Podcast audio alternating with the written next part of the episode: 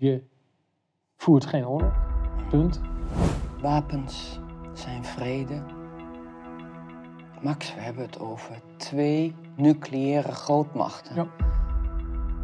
Het is gewoon vijf voor twaalf. Waar gaan we naartoe? Wat is dit ook in mijn eigen land? Het is zo ongelooflijk gevaarlijk. En wat betreft jouw opmerking van een groot conflict over twee jaar of over vijf jaar, gaan de Russen op geen enkele manier tolereren. Echt niet. Stel je die waarom-vraag. Waarom toch eh, veel Russen?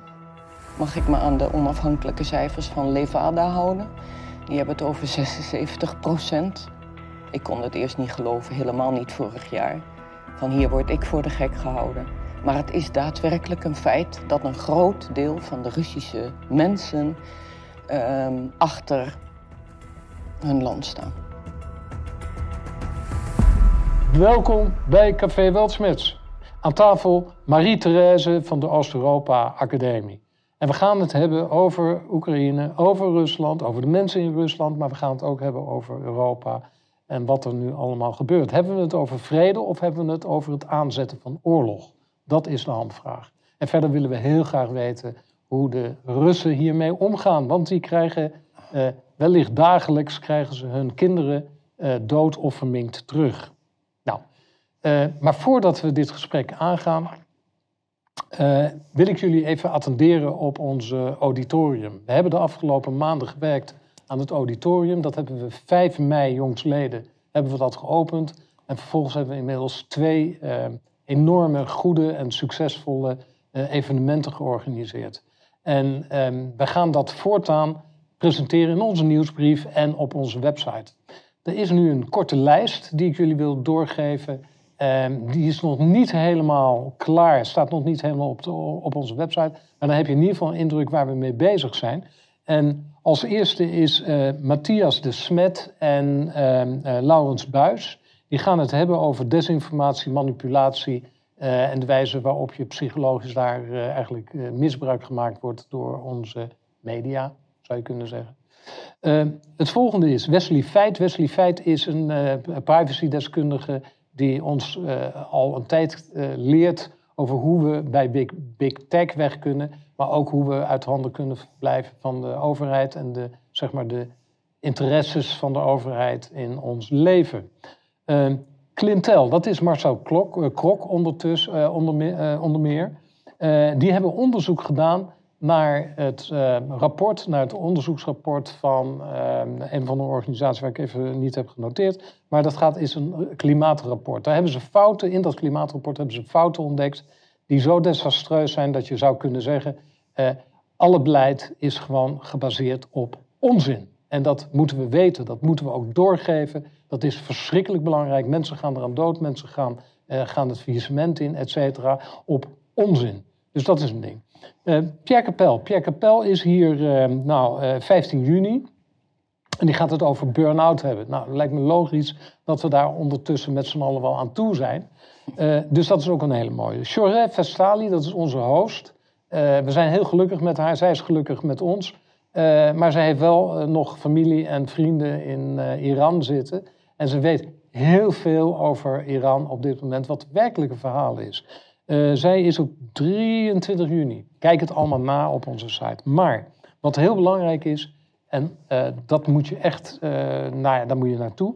Uh, Science Summer Summit, dat hebben we vorig jaar om dezezelfde tijd uh, georganiseerd. was een heel groot succes met internationale sprekers. Uh, dat gaan we dit jaar weer doen. Vrijdag 30 juni is de borrel in de avond. Is vrij toegankelijk. Zaterdag begint het programma en zondag eindigt het En dat zijn twee volle dagen. Je kan komen eten, je kan twee dagen boeken, je kan één dag boeken. Maar ga naar onze site of naar de site van Viruswaarheid. En uh, noteer jezelf um, om daar naartoe te gaan. Je ontmoet daar iedereen, ook internationaal. Als laatste Kees van der Pijl. Kees van der Pijl die, heeft een boek geschreven over de oorlog in de Oekraïne. Die wil daarover vertellen. En dat gaat hij samen doen met deze dame, Marie-Thérèse Terhaar. En, heel verrassend, um, Jan Storms. Jan Storms is natuurlijk psycholoog. En we vinden het heel leuk om dat element eigenlijk binnen te brengen, omdat het toch over mensen gaat en de wijze waarop mensen omgaan met dit soort uh, zaken. Dus uh, vandaar dat wij dachten, we nodigen Jan Storms erbij uit. Nou, dat was even een voorproefje. Bezoek onze site en zie wat wij organiseren. Um, je kan korting krijgen als je een onderdeel bent van Weltsmets uh, in de nieuwsbrief uh, als uh, gast of als donateur. En het tweede is, abonneer je op onze nieuwsbrief. Want daar staat echt alles in. En daar schrijven we ook artikelen over de programma's die we maken. Dus blijf bij ons, kom bij ons, doe wat je nodig vindt. Abonneer ons, deel ons, like ons. Nou, we gaan aan het programma beginnen. Uh, dankjewel voor je geduld. het was even een, uh, ja, een break die is nodig, want uh, wij zijn niet zo heel erg goed in de marketing over het algemeen. Dus ik heb nu maar besloten om het eventjes uitgebreid neer te zetten. Je lekker is. Wij misbruiken jou nu hiervoor. maar we gaan het hebben over de Oekraïne, we gaan het hebben over Poetin, we gaan het hebben over Rusland, we gaan het hebben over Europa. Ik wilde met jou beginnen, eigenlijk om een soort, wat is het, een, een soort schets van wat er in Europa aan de hand is. En dan hoop ik dat jij vanuit jouw kennis uh, uit, uh, uit, uit uh, Rusland en de Oekraïne mm. daarop kan reageren. we weten inmiddels dat Amerika, en dat is deze meneer die zo prachtig geschilderd is, ja. dat hij toestemming heeft gegeven om mensen, piloten, te, te, te trainen voor het gebruik van de F-16's. De F-16's die komen van Nederland vandaan, heb ik begrepen. Waarschijnlijk ook nog van andere landen. Maar Nederland schijnt al zijn uh, F-16's aan, uh, aan, aan, de Oekraïne te, te, over te leveren, over te dragen. Um, dat is een uh, station te ver voor de Russen, heb ik begrepen. Die hebben gezegd, dit is echt een hmm. enorme fout wat er nu gebeurt. Um, ik heb ook begrepen uit contacten die we hebben in Europa dat alle landen in Europa min of meer de opdracht hebben gekregen om zich voor te bereiden op een groot gewapend treffen in Europa. En een militair treffen in Europa. En dat betekent dus dat de defensies van de verschillende landen zich nu de komende twee jaar, want de verwachting is dat we tussen twee jaar en vijf jaar in een, uh, een klassieke um, derde wereld terechtkomen, derde wereldoorlog terechtkomen. Uh, je ziet het ook aan de kant van het feit dat uh, de drones die worden nu uh, omgebouwd om raketten te vervoeren. Ehm, je ziet het aan het beleid dat jongeren opgeroepen worden voor de militaire dienstplicht. Dus er wordt in Europa niet nagedacht over vrede. Er wordt uitsluitend nagedacht over oorlog. En we weten dat. We weten ook hoe die oorlog is ontstaan. En natuurlijk weten we ook dat uh, Poetin uh, een beer is die geprikt werd en op een gegeven moment zijn klauwen uitsloeg. Uh, daar is niets goeds aan, overigens. Daar wil ik, daar wil ik heel duidelijk over zijn. Althans, in mijn perceptie, je voert geen oorlog. Punt. Ehm, maar wat mij nou heel erg verbaast is dat in Europa iedereen er gewoon in meegaat. Het lijkt wel de Tweede Wereldoorlog Duitsland, waarin iedereen zegt van ja, nee, natuurlijk, we doen het. Hoe zit dat nu in Rusland? Want dagelijks worden daar lichamen teruggebracht, mensen die verminkt zijn. Wat betekent dit alles voor de Rus? Is dat een beetje een vraag die je kan beantwoorden? Nee, je overvalt mij uh, uh, in, in, dit, uh, in dit woordenspel van geweld en van die F-16's.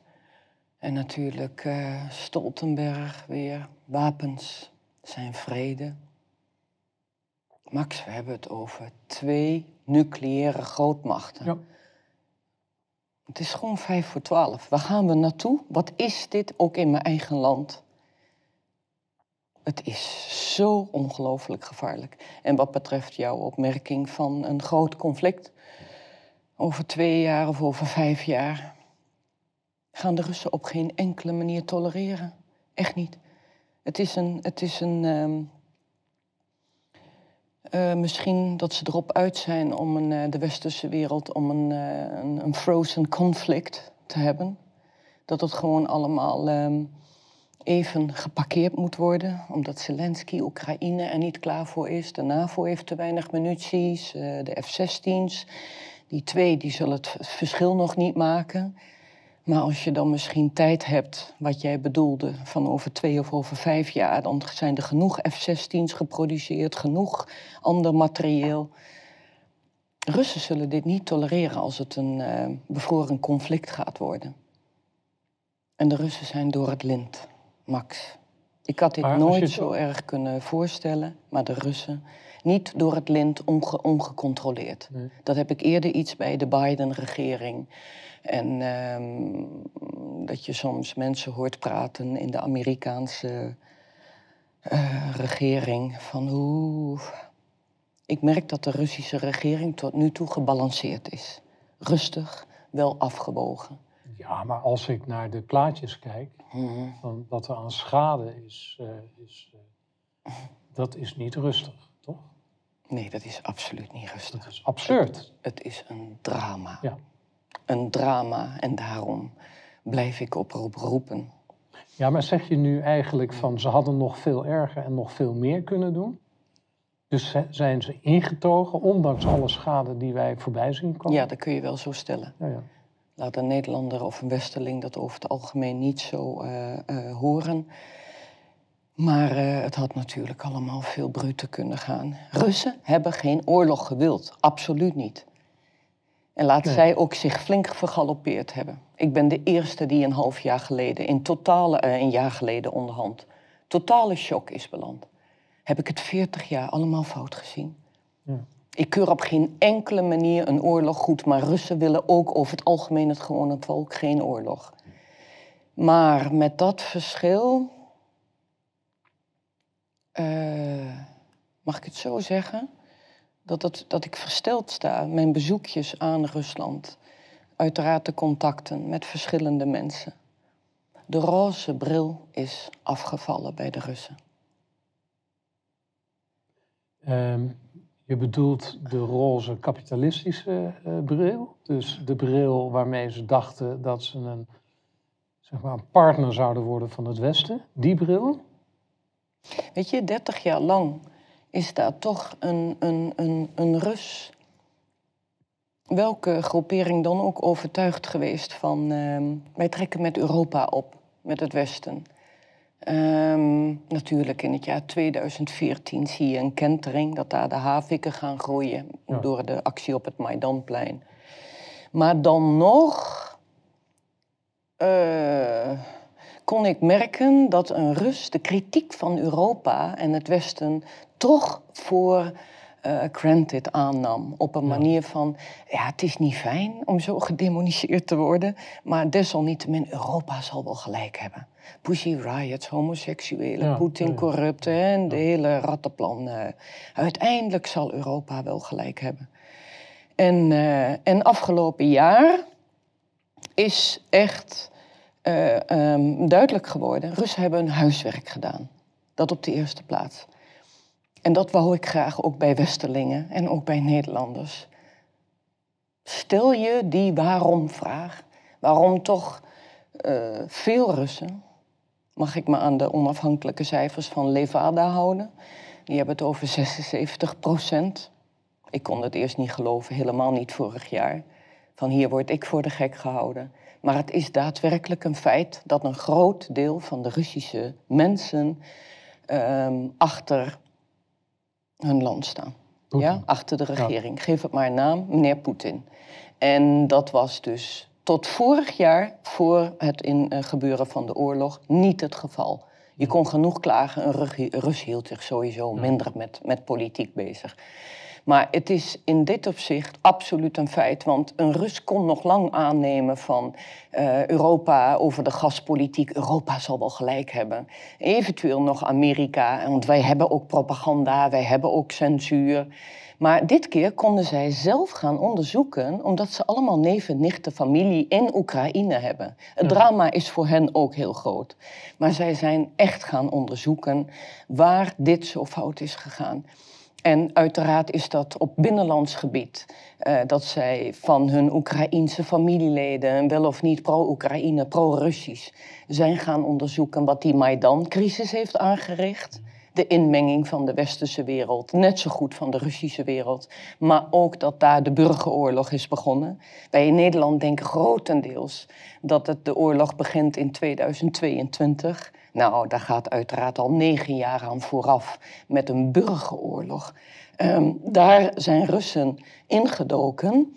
Uh, verder zijn ze erin gedoken wat betreft het NAVO-gebeuren. Ja. Um, kijk, de gemiddelde Nederlander of Westerling moet je ook niet uh, uh, um, met het NAVO-gedachtegoed gaan bestoken van wat gebeurde er in 1993 of in 1997 of in 2008. Dan haken wij ook veelal af. Maar dat had een Rus ook. Maar nu niet, ze zijn erin gedoken. En dan wat betreft um, het hele economische, het politieke spel. Ik kan kortom zeggen, een Rus is daadwerkelijk op de hoogte van alles wat er heeft gespeeld. En zij voelen zich bedreigd. Zij hebben uh, gezegd, uh, waarom is dat land niet neutraal gelaten? Waarom is dat uh, Oekraïne in dit geval? Waarom moest per se nog verder opgerukt worden? En, en, en, en, en behalve dat, ehm, zij weten te goed wat er in hun land niet deugt. Ja. Maar nu lijkt het net alsof ze de krachten gaan bundelen. Oprecht kan ik voelen van Europa en met name Amerika, tot hier. We hebben nu genoeg gehad. En um, we hebben ook meer uh, politieke uh, bedoelingen nu uh, onderzocht. Wij gaan in deze houding. En je kunt het een beetje vergelijken misschien met, met dat heb ik, heb ik langer gevoeld, een Rus kun je heel lang gek maken. Of een heel lang, um, heel lang um, uh, pro-westers opvoeden. Dat heilige Westen, ja, de geweldige uh, wegen daar, de geweldige mensen in de huizen hoe ze wonen, mensenrechten, democratie. Dat was natuurlijk ook voor hen 30 jaar lang hip. Je hoorde erbij. En het was ook een wens om zo te wonen. Hoe zit het eigenlijk uh, met die Russen en het, de, de welstand, de welvaart? Hebben ze eten? Uh, maken ze zich zorgen over de energie? Over... Eh, dat is iets wat ook niet in, de westerse wereld uh, voldoende naar voren komt. Wij hebben natuurlijk enorme problemen. We hebben ook gedacht vorig jaar dat we met die enorme strenge sancties die Russen op de knieën uh, konden krijgen. Nou, ik kan je vertellen, Max, niet alleen in Moskou en in Petersburg, maar in alle provinciesteden, in de Oeral, in Siberië, de schappen van de winkels liggen vol. Geen werkloosheid. Inflatie is onder controle. Um, cultureel leven is, is, gaat door. Ja? Behalve dat hebben de Russen natuurlijk ook, dat was ook iets wat zij eisten van Poetin. Maar dat um, de afgelopen jaren uh, medische zorg um, zo goed als gratis. Um, onderwijs niet te vergeten. Hoog niveau staat dat weer. En dat is allemaal doorgegaan. En daarin kun je gewoon nu ook merken dat dat heilige Europa. Ja, dat Russen krijgen eerder informatie over ons, hoe het ervoor staat. En niet dat het daar allemaal wordt uh, verergerd. Russen hebben hun staatspropaganda, ja. Wij hebben dat aan onze kant. Maar in dat opzicht is Rusland absoluut een, uh, een land wat trots begint te worden op hun verworvenheden van de afgelopen twintig jaar. En dan afgelopen jaar dat ze dachten dat alles onderuit zou gaan en dat gebleken is dat het land stabiel is gebleven. Ja, een zekere trots merk ik. Uh, en dat is natuurlijk ook iets van de geopolitiek, dat het grote Siberië dat daar al bekend is hoeveel delfstoffen en mineralen en, en alles wat daar is. Russen beginnen nu ook te voelen hoe belangrijk het is dat zij een autarkische staat gaan krijgen, zichzelf kunnen redden met landbouw. De middenklasse zelf, Max, die ik ook de afgelopen jaren heb getroffen op een manier nog steeds pro-Europa, maar hoe die nu trots is. Wij kunnen het zelf. Europa, ga maar door met sancties. Ja, wij overleven en wij gaan nu ook zelf leren om, eh, om, om harder te lopen. Er is een opleving aan dat land, in dat land aan de gang. Waar Terwijl je de blij oorlog van is. wordt. Terwijl de oorlog is. Ja, helaas. Russen Ja? nogmaals willen geen oorlog. Drama is te groot. Ook zij hebben daar met gesprekken onderling over. Ehm, maar ze hebben dus nogmaals hun huiswerk gedaan. Gezien dat het land geen, misschien geen andere keuze had. Als ze terug konden dra- draaien. Van, eh, toen Poetin zei, nog één poging bij de NAVO. Geef ons neutraliteit. Garandeer ons dat voor Oekraïne. Maar wij waren niet thuis. We zouden en moesten doorpushen. Dat maakt dat zelfs de meest kritische Russen. Daarvoor hoef je niets met Poetin te hebben. Nee. Deels achter deze beslissing is gaan staan. Ja. Hoe vaak moet je waarschuwen om dit land ehm, op de knieën te krijgen eh, in dan Amerikaans? Maar terug naar de gewone Russische maatschappij. Ehm, opnieuw, dit heeft niets met Poetin te maken, pro-Poetin of tegen Poetin. Ze steunen hun land. Ze hebben gezien dat hun land het goed doet. Daarbij krijgen ze zelfvertrouwen in de wereld, dat andere landen zich ook aansluiten. Ik heb ook gezien dat Poetin en eh, al tien jaar lang bezig is.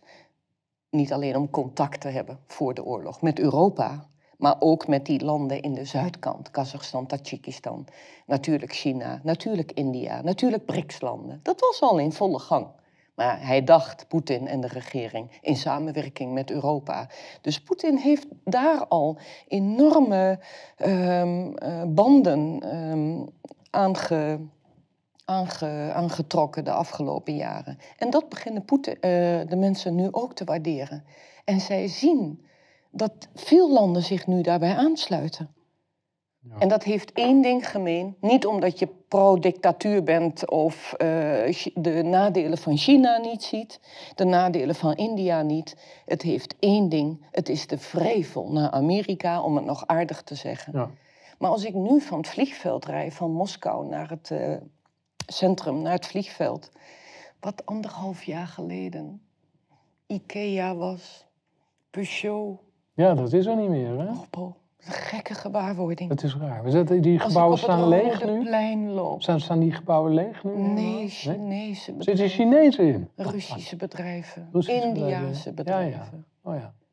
Dus het Westen is toch een beetje uitge, uitgeramd. Dat kun je echt Ja. zo zeggen. Ja. Hey, en hoe zit het, hoe zit het in, eh, in de Oekraïne eigenlijk? De winkels, eh, de, de, de inflatie, et cetera. Heb je daar een beeld van? ja, dra- dramatisch, uiteraard.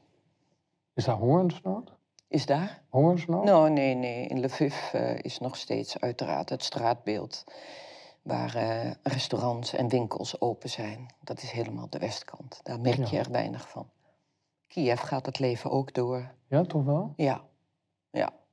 Het is vooral aan de oostzijde, aan de, aan de kant van de Krim en aan de kant van, eh, van Rusland. Nee, nee, want die landen, die provincies zijn dus nu opgenomen in het Russische In het Rijk. Russische Rijk. Ja. ja. En die zijn ook weer goed eh, voorzien van voeding, et cetera.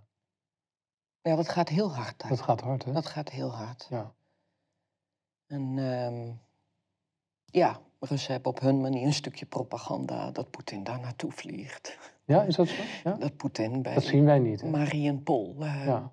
Oh, dat zien wij enorme fabrieken weer en gebouwen en huizen en wegen. Ja, maar wij zien, wel de, wij zien wel de sloophamer van de Russen. Dat, die, die zien wij wel. Ja, Eh, en dat vind ik ook nieuws, hoor. Dat moet ik ook zeggen. Ik, ik, eh, ik ook. ik schrik heel erg van de sloophamer van Rusland. Ja. Ja. Dat had ik niet verwacht. Ja, Kijk, als je al in, in deze periode hè, van, Mm. van technologie, als je dan een oorlog voert die zo terugvoert naar de jaren 20, 30, 40 Mm. in Europa, ehm, een grondoorlog Ja. waar eigenlijk niemand meer eh, achter zou staan. Het is heel raar dat dat gebeurt. Hm. Ik vind het opmerkelijk. Nee, Terwijl er zoveel technologie voorhanden is om een hele schone oorlog Ja. te voeren.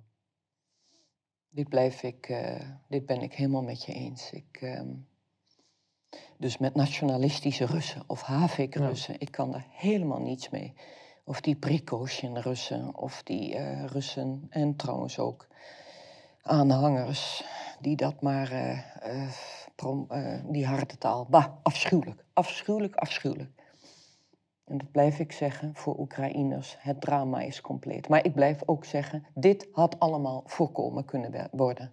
Ja. Het had voorkomen kunnen worden. Dus 30 jaar lang is dit op deze manier ehm, genegeerd. Hoe kwaad we de Russen hebben gemaakt. Hoe wij onze zin moesten doorzetten. En met name in dit opzicht de Amerikaanse kant. Maar het zal je maar gebeuren dat je uit je huis wordt gebombardeerd. Ik heb dit jaar een echtpaar begeleid. 70 jaar uit het midden van Oekraïne. Ja, die komen ehm, van gewoon een dorpje waar je alleen met kippen en met varkens eh, hebt gewoond. En die mensen liggen in Arnhem voor de Rijn. Die hebben daar een kajuit. Mensen 70 jaar, ja, met allemaal nog ehm, bewijzen van smeer onder de nagels. Die weten niet anders. Graven in hun tuintjes. En die mensen die, moet je, die moeten zelf de apotheek vinden in Arnhem. Ja, hoe moet je in de Nederlandse taal redden? Hoe moet je naar de blokker? Die mensen hebben nog nooit gehoord van westerse wereld. Die jonge moeders met kinderen, die redden zich wel. Dus ik ben het helemaal met je eens. Compleet drama wat hier eh, ook voor Oekraïne er is. Ik wil toch, ik wil toch even terug naar de kern. Hè? En Ja. dat is, als een land oorlog voert, Ja, dan kan het zijn dat eh, de burger, de, de inwoners nog iets hebben van, eh, ja, terecht, hè, dat we deze oorlog voeren. Ja. Maar op het moment dat de lijkzakken thuiskomen, ja, dan slaat dat sentiment om. En dat is natuurlijk ook terecht, want je vraagt je gewoon af wat jouw leven Mhm, te maken heeft mhm. met de politieke besluitvorming. Waarom worden jouw kinderen Ja. worden die op deze wijze misbruikt ten behoeve van politiek besluit? Ja. Nou, kan ik me voorstellen dat eh, er heel veel lijkzakken richting, eh, eh, richting, ook naar de Oekraïne, maar daar hebben we het zo over, maar heel veel lijkzakken naar Rusland teruggaan. En wat betekent nou dat voor het, voor het sentiment? Want het kan toch niet zijn dat dat gewoon geaccepteerd wordt, mhm. lijkt mij. Lijkt mij ook niet. En Nee. natuurlijk is dat ook zo. nee. Ja, dat drama gaat nog eh, bekend worden. Maar ehm, Zeg je dat het op dit moment niet bekend is? nou, dat hoort bij, bij de oorlog. Dat ook Rusland zal dingen voorlopig Niet openlijk stilhouden. Ja. Dus dat betekent dat men van elkaar niet weet hoe groot de schade is. Denk ik ook. Ja. Ja, oké. Dat is natuurlijk. eh, ja. ehm, de Oekraïne heeft een soort gelijk verhaal. Hè. De Oekraïne heeft natuurlijk ook enorm veel schade opgelopen. Het is zelfs zo dat ze nu eh, soldaten aan het werven zijn in, eh, in Afrika. En de mensen die daarop ingaan, de Afrikaners die daarop ingaan, krijgen ook een Europees paspoort aangeboden. Hè. Dus die zijn inwoner van Europa, worden ze. Ehm, dat is natuurlijk een hele mooie manier, want ja, je kan doodgaan door de Middellandse Zee over te steken, of je gaat dood in de, in de Oekraïne. Ja, dat is, welke kans heb je meer? Wat ik heb begrepen, dat is dat Zelensky vooral heel erg veel rondreist en eigenlijk nauwelijks nog in Kiev of niet meer in Kiev aanwezig is. En van land tot land reist. Mhm. Wat, zou, wat voor betekenis heeft dat voor het land en voor de besluitvorming die er plaatsvindt in de Oekraïne? Heb je daar een idee over? Nee, ik. ehm, uiteraard, het is, ehm, voor mij is Zelensky ehm, met zijn marketing ehm, tactiek in paniek. En eh, Max, het is de staat er veel beroerder voor in Oekraïne dan dat we in het Westen te horen krijgen. En dat die man heel Europa afreist en overal, nou ja, voor onze media als een held wordt ontvangen. Nog meer wapens. Nu in Hiroshima, Ja, dat is ook wel wonderlijk. mis, mis, mis. De G7-landen. Meer wapens, meer hulp. Ja, het offensief gaat starten. Is er, by the way, één westers land, los van dat Amerika hier Zelensky aanstuurt. Nou, niet alleen Zelensky aanstuurt, maar wie neemt de beslissingen in Kiev op het moment dat Zelensky er zelf niet is? Terwijl het oorlog gevoerd wordt en er Mm. continu opdrachten gegeven moeten worden. Wie geeft die opdracht? Is dat deze meneer? Veiligheidsdienst. Die man staat zelf onder zware druk. En daarmee praat ik hem niet goed. Nee. Ik ben al lang diep, diep teleurgesteld in eh, hoe hij zich toch eh, ja, heeft laten gebruiken. Met zijn eerste beloftes van dat hij juist vrede zou stichten tussen Oekraïense Russen en eh, Westerse Oekraïners. Helemaal uit de hand gelopen. Maar goed, er is één iemand die hier heel veel baat bij heeft. Ehm, welk land dat is, nou ja, de president eh, voor, hangt achter ons. Maar de oorsprong is natuurlijk al twintig jaar lang de Amerikaanse eh, oppermacht. Die de bedoeling heeft gehad Oekraïne weg te halen uit de Russische invloedssfeer. En dat mist natuurlijk ook in de west- westerse berichtgeving het grote plaatje. Nou, Continu. het grote plaatje is er niet. Ja, Nee. dat is er wel, maar niet in de media. Nee, inderdaad. We hebben natuurlijk mensenrechten al benadrukt. We hebben de vrijheid benadrukt. We hebben het moment van, van deze dramatische oorlog. Het zal je maar gebeuren dat je ook uit je huis wordt gebombardeerd. Ja. Daarin blijf ik begrip houden voor het Oekraïense hoofdstuk. Ik werk dagelijks nog steeds met ze. Ik ben verbonden met beide volkeren. Maar het grote plaatje is voor de Nederlander, voor de Westerling, ontzettend onbekend. En dat is daar al begonnen met deze man, Ja. die ook nu de Oekraïense regering aanstuurt. Mm, het, is, het is heel suggestief, hè, wat Ja. ik nu ga zeggen. Hè? ja. Maar als Zelensky niet thuiskomt mhm, en dus continu buiten de Oekraïne rondvliegt in allerlei eh, Mhm. toestellen van buitenlandse mogendheden, niet zijn eigen toestel, mhm, nee, hij maakt gebruik van de internationale, eh, internationale diplomatie, mhm, dan zou je kunnen zeggen, daar zit iets achter. En dat zou kunnen zijn dat hij bang is voor zijn eigen veiligheid in de Oekraïne. Dat is suggestief. Ik, ik, ik bedoel, ik heb niks om. eh, ik heb geen houvast daarin verder. Maar als je dat, als je dat ehm, plaatje bekijkt, dat Mm. iemand dus op marketing eh, eh, uit is, dan wordt hij aangestuurd waarschijnlijk toch door de Amerikanen. mhm, De Amerikanen zijn degene die zeggen van nee, die, eh, die, die F-16's, dat doen we niet. mhm, Om uiteindelijk te zeggen van nou, laten we beginnen met het opleiden. Maar wat een raar spel is dit. Er, er wordt oorlog gevoerd, hij is in het buitenland. En daar in Amerika worden uiteindelijk worden de besluiten genomen. mhm.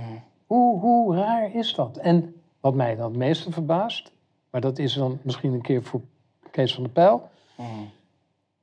dat Europa hier zo makkelijk mee omgaat. We worden door de Amerikanen worden we leeggezogen. Ongelooflijk. We zijn van onze energievoorraad af. Ja. We zijn helemaal met handen en voeten gebonden aan de Amerikaanse leveranties. Mhm.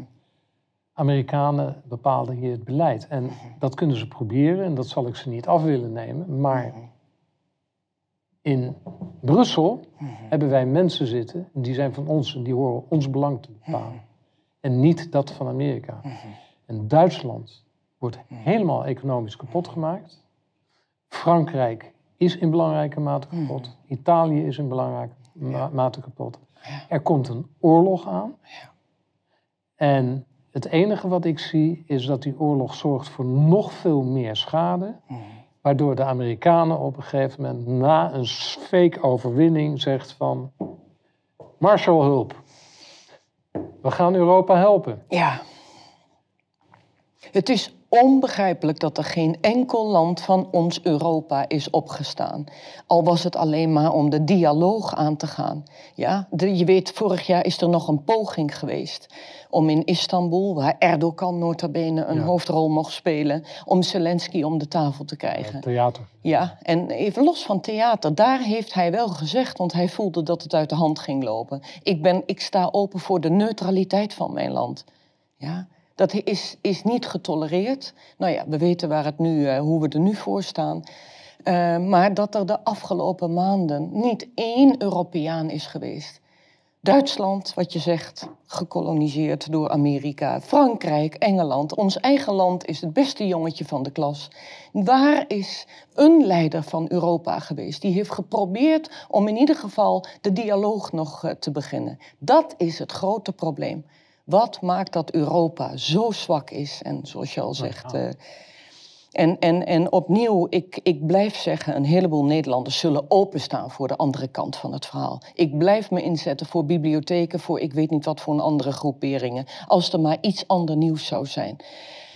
Um, ja. En, en, en opnieuw, Max, uh, juist omdat we daar te weinig informatie over hebben gehad. En, en dat houdt niet in dat ik alleen maar loop te kippen, uh, um, uh, kibbelen op, op Amerika. Het, wij hebben echt te weinig kennis van dat land. En ook wat betreft de hele Wolfowitz-doctrine. En de meneer hier achter mij, als je die ziet in 1997, als een jonge knaap nog, staat hij al te oreren van waarom niet de NAVO uitbreiden? Ja? Je hebt een belofte gegeven. We zouden samen optrekken. Amerika, Rusland met Europa.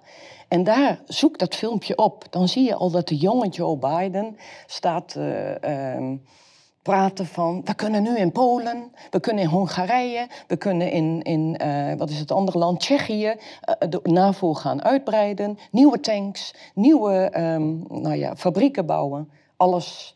Tegen de belofte in. Aan, tegen de belofte in. Maar Joe Biden hoort absoluut bij die begin neoconservatieven koste wat kost uitbreiden. Arrogantie, geen rekening te hoeven houden.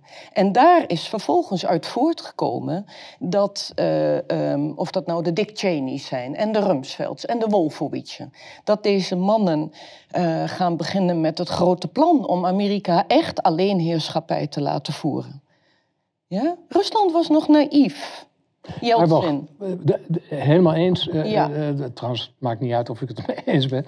Maar ja Even, even, even terug. De Kennis, maar, nee, maar die, kennis... die, kennis... Max, die moet echt meer voor de Nederlander bekend worden. Of ga Amerikaanse politiek bestuderen. Niet het Amerikaanse volk, die weet er ook niets van. Maar om dus Rusland los te peuteren van Europa, dat was de bedoeling. Ja, en, dat en dan kom jij op dat, Duitslandval. En dat is gelukt. En, dat is gelukt omdat Jeltsin erin kwam. En Jeltsin was een alcoholist, die was ja. tot niets in staat. En die is op een gegeven moment is die, uh, is die weggevoerd, uh, denk ik ook dronken. Misschien leeft hij al niet. Ja, maar dat niet alleen. Later komt een Poetin. En dan zie je dat dat gewoon uitgewerkt gaat worden, dit Amerikaanse plan.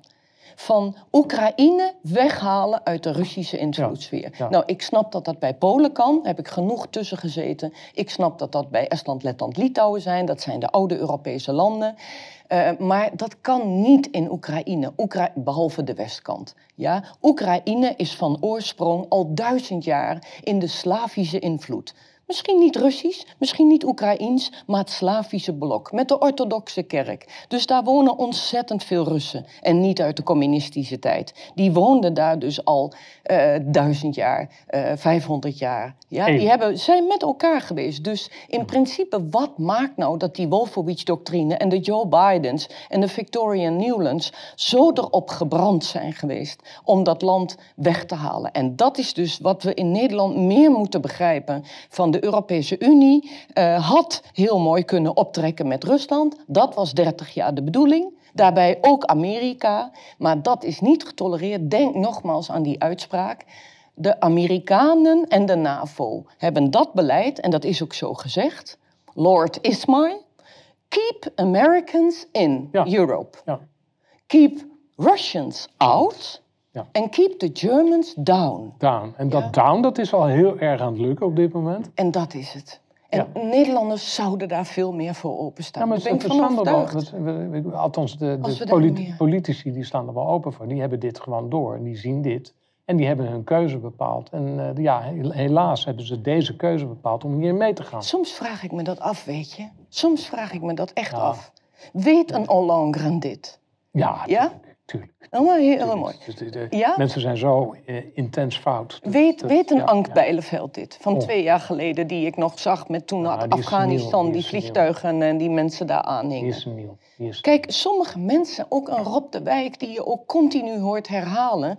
keep Amer uh, Germans down, denk ik... Ja dat hoor je hem herhalen. Ja, Met mijn ja, vader houdt dat Ja. nieuws goed voor Nou, mij bij. mooie Nee, wacht heel even. Dan hoor ik dus mijn vader, die zegt zo mooi... Kijk eens even, Rob de Wijk die weet echt niet... dat die Nord Stream pijplei- pijpleiding... dat die opgeblazen zou kunnen zijn door Amerika. Jawel. Dat moet je eens even... Nou, dat kun je... De Jawel. overtuiging hoe dit wordt gezegd... door Rob de Wijk. Van nee, dat, dat kunnen Amerikanen echt niet gedaan hebben. En daar twijfel Nee, ik dus aan, Max. Je kunt, je kunt Rob de Wijk ken ik en, en Oh. heb ik, heb ik, die heb ik eh, regelmatig meegemaakt. Die heeft ook voor Weltsmets heeft die dingen gedaan. En eh, hij is zeer goed op de hoogte. En hij is meer op de hoogte dan wat hij loslaat en dat is ook terecht. Maar die weet precies hoe de hazen lopen. Maar hij heeft gewoon zijn eigen pad. En dat heeft ook met zijn bedrijf te maken. Dat heeft met zijn bedrijfsvoering te maken. Hij heeft de ministeries heeft hij als klant. Ja. En dat zal die blijven. Maar daarin, en dat respecteer ik wel bij hem, daarin probeert hij zo kritisch mogelijk te zijn. Mhm. Dus ehm, ik ben niet een fan van Rob de Wijk, maar ik zie wel een zekere, eh, een zekere ehm, oprechtheid. Nou ja, even los daarvan, wel of niet namen noemen, want het, het gaat mij er ook om. Ik kan dat ook respecteren. Dat of je nou in het navolgedachtegoed bent, of je bent eh, er helemaal van overtuigd en daar jaren mee opgegroeid. Dat, dat praat met elkaar, maar met sommige mensen denk ik echt. Denk ik nog even aan meneer Hillen. Ik heb de afgelopen week een paar kopstukken ook gesproken. Zij weten het echt niet. Hans Hille weet het ook. Hans Hille is Of het wel of niet weten. Wij zitten in, in de Iedereen alternatieve weet groep. dit. Iedereen weet dit. Wij zijn niet exclusief daarin. Met onze, de informatie die wij hebben, Je ze kunt hebben veel meer informatie. Ze hebben nog meer. En dat, nee, dat, je kunt niet alles weten, eh, Nee, Max. niet Daarin, daarin wil ik, wil ik, wil Nee, ik. maar de wil grote lijnen zijn Laat ik het zo zeggen. Cor- Corona is voor, persoonlijk voor mij een, een, een relief geweest. Ja. Daar werden vele Nederlanders, Westerlingen wakker dat je ook zelf onderzoek moet doen. Ja. Hoe we er ook over denken. Vervolgens komt daar stikstof bij, vervolgens komt daar milieu en dat is studiewerk. Studiewerk, studiewerk. En op mijn vakgebied zit de achter, achterstand nog dieper. Dus Rusland is nog meer studiewerk. En ik kan echt voelen, je kunt niet alles weten. En als minister geloof ik daar echt niet in dat iedereen alles weet. Wel dat je in een bepaalde cirkel zit en dat je met elkaar meespraakt. Kijk, een Sjoerdsma en andere mensen, die zijn niet meer een andere manier van denken. Eh, dat krijg je niet voor elkaar. Dat respecteer ik ook en laat zij hun gedachten goed hebben. Maar om tot vrede te komen en nog meer wapens te gaan leveren en alleen maar ervan overtuigd zijn, er is maar één slechterik. Nee, maar dat is Er is maar idioot. Één bad guy. idioot. En met al die, eh, al die tanks die verouderd zijn, generaals die niet eh, eh, zijn opgeleid, Russische mensen die als het ware al met hooivorken daar het, het, eh, het, het. Oekraïne- het, het, het was buitensporig. Ik wil het nog over één Ja, ding hebben, en dat is over jou. Oké. Ik wil het over jou hebben. Je hebt, eh, je hebt een hele zware tijd gehad met, met jouw organisatie. Mhm. Dus Mm. ja, Rusland werd natuurlijk gewoon als de pest gemeden. Ehm, je merkt nu, en dat vertelde je in het voorgesprek, je merkt nu dat eh, het publiek in Nederland eh, langzaam begint door te krijgen dat er toch wel een andere kant aan het verhaal zit. En ehm, je organiseert, en dat is ook tot mijn verbazing, je organiseert reizen naar Rusland. En ik kan me voorstellen, ik vind het echt geweldig dat je dat doet, want je gaat tegen iedereen en alles in. En je moet je daar, je moet je daar waarschijnlijk enorm voor wapenen. Maar het feit dat je het doet, dat is in mijn ogen een, enorm, een bevestiging van een enorme liefde en, en rechtvaardigheidsgevoel. Wat je voelt ten opzichte van eh, de burgers in, eh, in het Oostblok. Mhm. Niet zozeer voor meneer Poetin, niet zozeer voor het beleid, maar wel voor de burgers in, eh, in het Oostblok. Ja. Dus ik probeer je gelijk al de kritiek weg te nemen dat jij een Poetin-aanhanger bent. Mm. Want dat ben je niet en dat weet ik ook. Maar de nuance ligt Ja. dat het gaat om de bevolking in Rusland, wat het Ja. Net zo moeilijk heeft als wij het straks gaan krijgen. Precies. Precies. Maar nu wil ik even weten Ja. hoe dat gaat. Nee, dus eh, omdat ik er niet mee kan leven dat je op deze manier zo wordt opgezet tegen een ander volk, tegen een ander land. En nogmaals, Russen willen ook geen oorlog en er zit echt veel meer achter. Studie doen, Nederlanders gaan die waarom vragen stellen. Waarom Russen zo ook teleurgesteld in ons zijn geraakt. En dat is de enige manier om naar het land toe te gaan. En het gaat niet om mij. Ja? En het gaat niet om, om, om, om, om reizen uh, te organiseren. Please, ga in je eentje. Zakelijke reizen zijn het sowieso niet. Nee, nee, nee, onmogelijk. Alles, alles sancties. Dus ik wil alleen Nederlanders stimuleren. Ga naar het land toe. En luister. En luister, en luister naar die mensen. Ja. En ga met eigen ogen kijken hoe het leven is. Ga met eigen oortjes met Russen praten. Oké, mijn vrienden. Heb je, heb je ook een programma? Heb je een programma waarin je zegt, nou ja, dat zijn mensen waar je mee in contact moet. Uh, de, dat, dat hebben ze. Ja, dus, dus natuurlijk adviseer ik ze wel en kan ik individueel mensen begeleiden. Mensen begeleiden. En, maar er zijn ook uiteraard wel mogelijkheden om met een groepsreis te gaan, waardoor je nog wat meer achtergrond krijgt. Want cultuur is mijn ding. Ja. Als ik met jou aan tafel zit of met Kees, dan hebben we het over politiek. Maar mijn hart is die cultuur. En, en Oh, maar dan onderschat je mijn hart hoor. Dan onderschat je mijn hart. nou, nee, maar logisch. Wij moeten het ook hebben over het heden. Dat is ook maar. En nog, nog, een, uh, nog een allerlaatste vraag. Uh, lezingen. Ik heb begrepen, nou ja, jouw lezingen zijn bekend, zijn door heel Nederland bekend. Hm. Uh, daar zit ook een enorme uh, groei in, heb ik begrepen. Toch? Nou, met al deze dingen kan ik dus echt wel merken dat um, Nederlanders uh, openstaan voor, uh, meer open gaan staan voor de andere kant van het verhaal. Ja. En was een jaar geleden echt ondenkbaar. Los van dat ik zelf ook niet stevig. Ik was zelf in shock. En hoe moet ik dit allemaal zien? Maar um, nee, kijk, het is wat makkelijker als ik altijd in de alternatieve wereld zou zijn. Bij jou, bij, bij Andere Krant, bij Ongehoord Nederland. Bij, bij, daar zijn mensen toch wat meer ingelezen op dit gebied. Maar ik wilde toch blijven gaan voor de 95, de 90 procent die geen tijd heeft gehad om zich te verdiepen. En of dat nou bibliotheken zijn, tot en met vaste clubs. Ja, daar is in het begin het oordeel zo groot geweest. Mevrouw ja. Ter Haar, hebt u het foute pad genomen? Of mevrouw Ter Haar, dit deugt niet. Mariet Rijssen, je, je bent uh, door de Russische regering betaald. Oh, het regende, protestmarsen en e-mails. En... Maar nogmaals, uh, geen, uh, geen klaagzang, want um, ik, ik kan er niet in mee. En daar is de groep groter aan het worden, dat je daadwerkelijk uh, in lezingen ziet dat mensen open gaan staan voor de andere kant. Het is niet makkelijk. Nee. Opnieuw vraag ik ook aan die mensen die daar toch naartoe komen voor een bibliotheek. Als je vragende oogjes ziet of agressieve reacties in de zalen. Dat verdiep ook, je, verdiep je op zoek. Ik blijf roepen, ga op zoek naar de waarom-vragen. De waarom-vragen. Max, zijn Russen dan echt allemaal gek geworden? Nou ja, ik, ik ben nog nooit in Rusland geweest en ik spreek geen Russisch, dus ik, ik, moet, ik moet afhaken wat dat betreft. Ik weet het niet. Hm. Maar wat ik wel uh, vermoed is dat uh, Russen wel achter hun eigen president blijven staan in het algemeen. En dat wij in Nederland en waarschijnlijk ook in de andere landen uh, bekogeld worden met, uh, met, met Ehm, beschrijvingen eh, over Rusland die voor geen hout kloppen. Hmm. Maar goed, even los daarvan. Ehm, de Oekraïne. Ik heb, ik heb eigenlijk één gedachte en dat geeft me een zekere hoop. Hmm. Dat ehm, Zelensky eigenlijk uh, verworden is tot een marketeer, tot een, een sales manager die uh, voor de Oekraïne gewoon wapens, et cetera, binnen moet halen. En eigenlijk de de agenda van, uh, van Amerika moet uitvoeren om de andere landen erbij te betrekken. Gewoon de. de, de nou ja. Uh, en dat de, de werkelijke, het werkelijke beleid en de besluitvorming gewoon in Amerikaanse handen is. Dat lijkt mij gewoon bijna. En ik hoop dat er iemand in Nederland is, overigens. Ik hoop dat er iemand in Nederland is.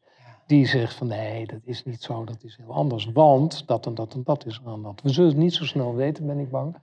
Uh, tussen de twee en de vijf jaar uh, mogen we verwachten dat er een groot gewapend treffen is in Europa. Dus ik adviseer iedereen om daar gewoon rekening mee te houden, daar wat voorbereidingen voor te treffen, et cetera. Nou ja, ik, ik, we zijn klaar met dit hele vervelende gesprek eigenlijk, want het is echt eigenlijk heel naar. En uh, het is een naar onderwerp in ieder geval, maar wij hebben het wel toch leuk gehad in dit gesprek. Ik wil jullie vragen om, ga naar onze website of abonneer je op onze, op onze nieuwsbrief. Want dan weet je wat we hier organiseren. En wat we hier organiseren is zo in elkaar gezet dat jullie mee kunnen praten en elkaar kunnen ontmoeten, et cetera. Dus het is niet doodstil luisteren naar wat iemand te vertellen heeft. Nee, mee reageren, handen schudden, knuffelen, een biertje drinken, et cetera. Dat is wat we hier doen. Dat is het auditorio van Weltschmerz. En ik hoop jullie daar uh, tegen te komen. Dankjewel voor deze uitzending.